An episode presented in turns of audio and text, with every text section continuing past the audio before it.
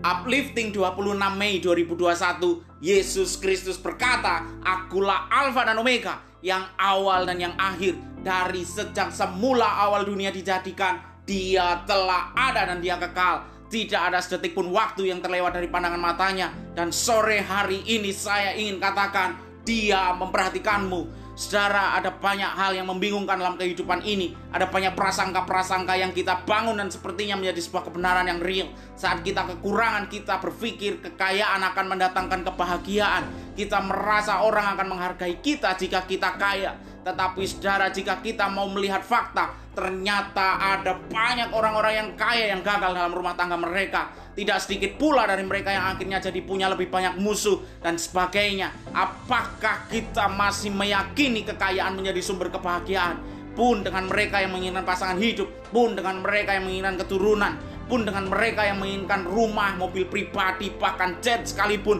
Apakah hal-hal ini adalah sumber kebahagiaan? Ini mungkin bisa memperlengkapi kebahagiaan. Tetapi saudara-saudara yang dikasih Tuhan saya ingin katakan ini bukan sumber kebahagiaan.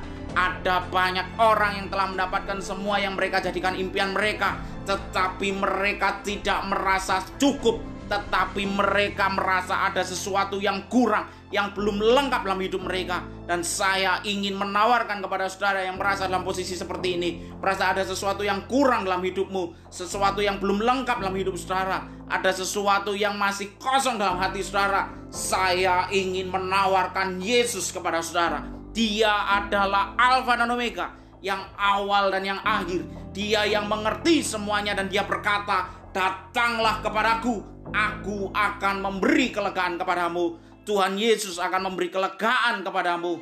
Yang perlu kamu lakukan adalah membuka hati dan percaya kepadanya. Tidak perlu risau dengan dosa-dosamu. Tidak perlu merasa terlalu kotor untuk datang kepadanya. Hanya perlu buka hati dan percaya. Dan saya berdoa Tuhan Yesus akan memenuhi hatimu dengan kelegaan. Dengan manis dan sangat lembut. Dia akan menghampirimu, mengokohkanmu, dan memuaskan batinmu bukan nanti, tapi saat ini.